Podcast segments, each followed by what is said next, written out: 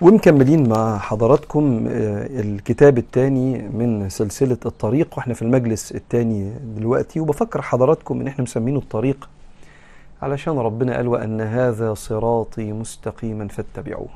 ولا تتبعوا السبل فتفرق بكم عن سبيله. إحنا ماشيين في الصراط طريق ما هو الصراط يعني الطريق؟ الطريق اللي قال عليه الإمام الجنيد طريقنا هذا مشيد مبني كده قائم مشيد بالكتاب والسنة. بنعرف ربنا وبنعرف سيدنا النبي عليه الصلاة والسلام وبنعرف الإسلام وبنعرف نفسنا. كتاب العقيدة الطحاوية فيه التعرف على الله وأركان الإيمان الستة. الشمائل المحمدية بنتعرف على سيدنا رسول الله ونبدأ دلوقتي تاني. ثم نتعرف أكتر على أحكام الإسلام من خلال كتاب الفقه الواضح على المذاهب الأربعة. ثم عن النفس وتزكية النفس في كتاب أيها الولد. نبدأ مع بعض الكتاب الثاني وهو كتاب الشمائل المحمدية للإمام الترمذي. محمد ابن ثورة أبو عيسى محمد بن ثورة الترمذي المولود 209 متوفى 279 هجريا تلميذ الإمام البخاري ومحدث كبير وعنده كتاب بيتكلم عن خلق شكل يعني خلق النبي وخلق النبي اسمه الشمائل. المحمدية بنتعرف فيه على سيدنا النبي حتى نتعلق بقلوبنا بسيدنا رسول الله ونفهم أكتر عن سيدنا رسول الله فنقدر بعد كده يعني لما نشوف أفعاله نفهم منطلقات الأفعال دي جت منين؟ وكيف كان رسول الله عليه الصلاة والسلام يسالم ويحارب ويحب يغضب يفرح آه وهكذا. فتعالوا النهاردة الباب الثاني قال الإمام رحمه الله ونفعنا الله بعلومه وعلومكم في الدارين آمين. قال باب ما جاء في خاتم النبوة. خا أو خاتم النبوة. باب ما جاء في خاتم النبوة بكسر التاء. خاتم النبوة هو حسنة كبيرة في آخر سلسلة في العمود الفقري عند الرقبة كانت موجودة عند الأنبياء. يقال إن الحسنة دي بارزة وبيطلع منها بعض الشعرات البيضاء. كل الأنبياء كان عندهم هذا الخاتم وهو علامة من علامات النبوة. فبعد ما سيدنا الإمام الترمذي اتكلم اللي اتفرج منكم المرة اللي فاتت عن شكل النبي عليه الصلاة والسلام الشريف بيتكلم عن خاتم النبوة النهاردة. قال آه عن سيدنا آه سماك ابن حرب عن آه أو سماك ابن حرب عن جابر بن سمرة. قال رأيت الخاتم بين كتفي رسول الله صلى الله عليه وسلم غدة حمراء مثل بيضة الحمام.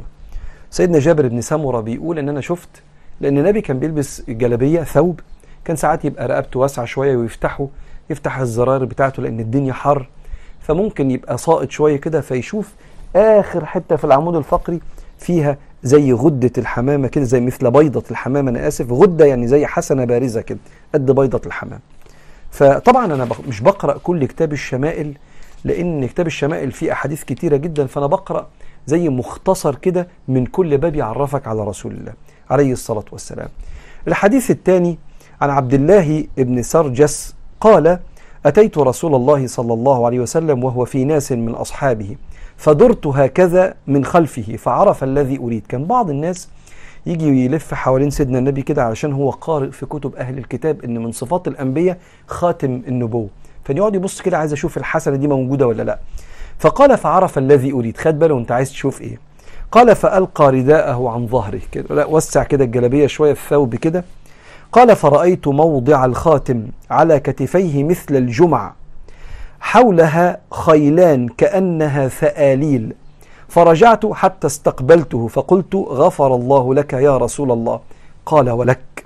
فقال القوم استغفر لك رسول الله. قال نعم. صلى الله عليه وسلم.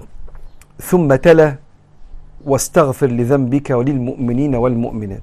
هو بيقول إن أنا شفت عند كتفه بين كتفه كده مثل الجمع الجمع بضم الجيم أي جمع كف كأنه عمل كده.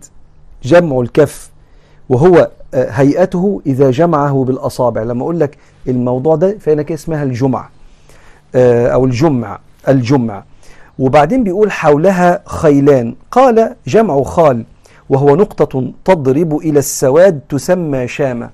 شامة قد كده. حسنة قد كده بارزة بيقول يعني. كأنها ثآليل. قال ثآليل كمصابيح وهو جمع ثؤلول كعصفور وهو خراج صغير كالحمصة حمصة كالحمصة يظهر على الجسد له نتوء واستدارة.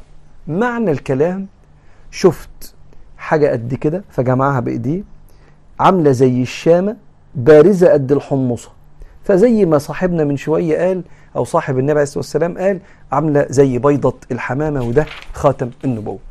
الباب الثالث قال باب ما جاء في شعر رسول الله صلى الله عليه وسلم. هيوصف دلوقتي شعر النبي عليه الصلاة والسلام. اللي شاف المجلس الأول تخيلنا النبي من الساس للراس من الشعر إلى القدم ودلوقتي عرفنا إن النبي عنده ما بين كتافه كده في آخر العمود الفقري خاتم النبوة. حسنة بارزة فيها بعض الشعرات كأنها بيضة حمام. ودلوقتي شعر النبي عليه الصلاة والسلام. قال عن أنس بن مالك رضي الله عنه كان شعر رسول الله صلى الله عليه وسلم إلى نصف أذنيه.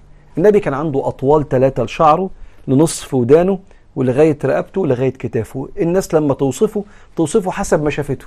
لأنه النبي عليه الصلاة والسلام كان بيحلق شعره تماما زي ما انت بتقول بيحلق زيرو كده في العمرة وهو عمل أربع عمرات وحجه صلى الله عليه وسلم. فساعات كنت تشوف شعره لغاية منتصف أذنيه لرقبته لغاية كتافه.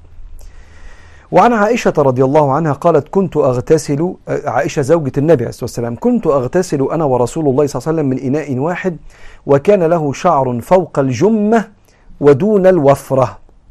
هو هنا بيقول الجمة الشعر النازل إلى المنكبين.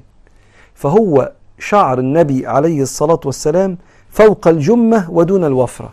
الوفرة لغاية هنا والجمة لغاية هنا وفي الحتة دي كده يعني. فكأنها بتوصف الوسط ما بين هنا وما بين هنا. صلى الله عليه وآله وسلم. وبعدين الحديث اللي بعد كده سيدنا أبو قتادة بيسأل سيدنا أنس قال قلت لأنس كيف كان شعر رسول الله صلى الله عليه وسلم؟ قال لم يكن بالجعد ولا بالسبط لا شعر أكرت ملفلف زي الأفارقة ولا بالسبط ناعم زي الهنود واليابانيين كده خط. إنما كان في النص كده ناعم مموج. لم يكن بالجعد ولا بالسبط وكان يبلغ شعره شحمة أذنيه.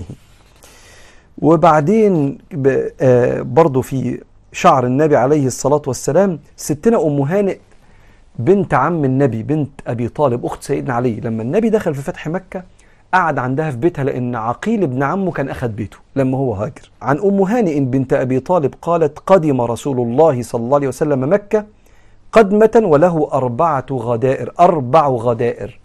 الغدائر يعني الضفائر. وكان زمان الرجال طبيعي إن هم يضفروا شعرهم ما كانتش حاجة مستهجنة. أو حاجة فيها تشبه بالنساء إنما كان عادي إن الراجل يبقى شعره طويل ويعمله أربع ضفائر فالغدائر نعم هي الضفائر. وبيقول هنا الغدائر جمع غديرة وهي جمع ضفيرة وكل من الضفيرة والغديرة بمعنى واحد. وبعدين بيقول بعد كده الإمام الترمذي عن ابن عباس أن رسول الله صلى الله عليه وسلم كان يسدل شعره يسيبه يعني. وكان المشركون يفرقون شعره. وكان أهل الكتاب يسدلون رؤوسهم.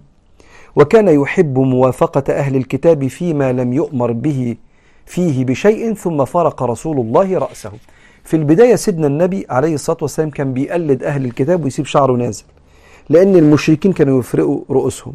وبعدين وكان يحب يوافق أهل الكتاب ما دام ما فيش أمر بمخالفتهم. ثم بعد ذلك خالفهم وفرق النبي صلى الله عليه وسلم شعره من النص. وبعدين آخر حديث في الباب ده ستنا أم هانئ بتقول رأيت رسول الله صلى الله عليه وآله وسلم آه ذا ضفائر أربع وبهنا ينتهي آه الباب باب ما جاء في شعر رسول الله وباب ما جاء في خاتم آه النبوة. ونكمل المرة الجاية إن شاء الله على خير في الشمائل المحمدية.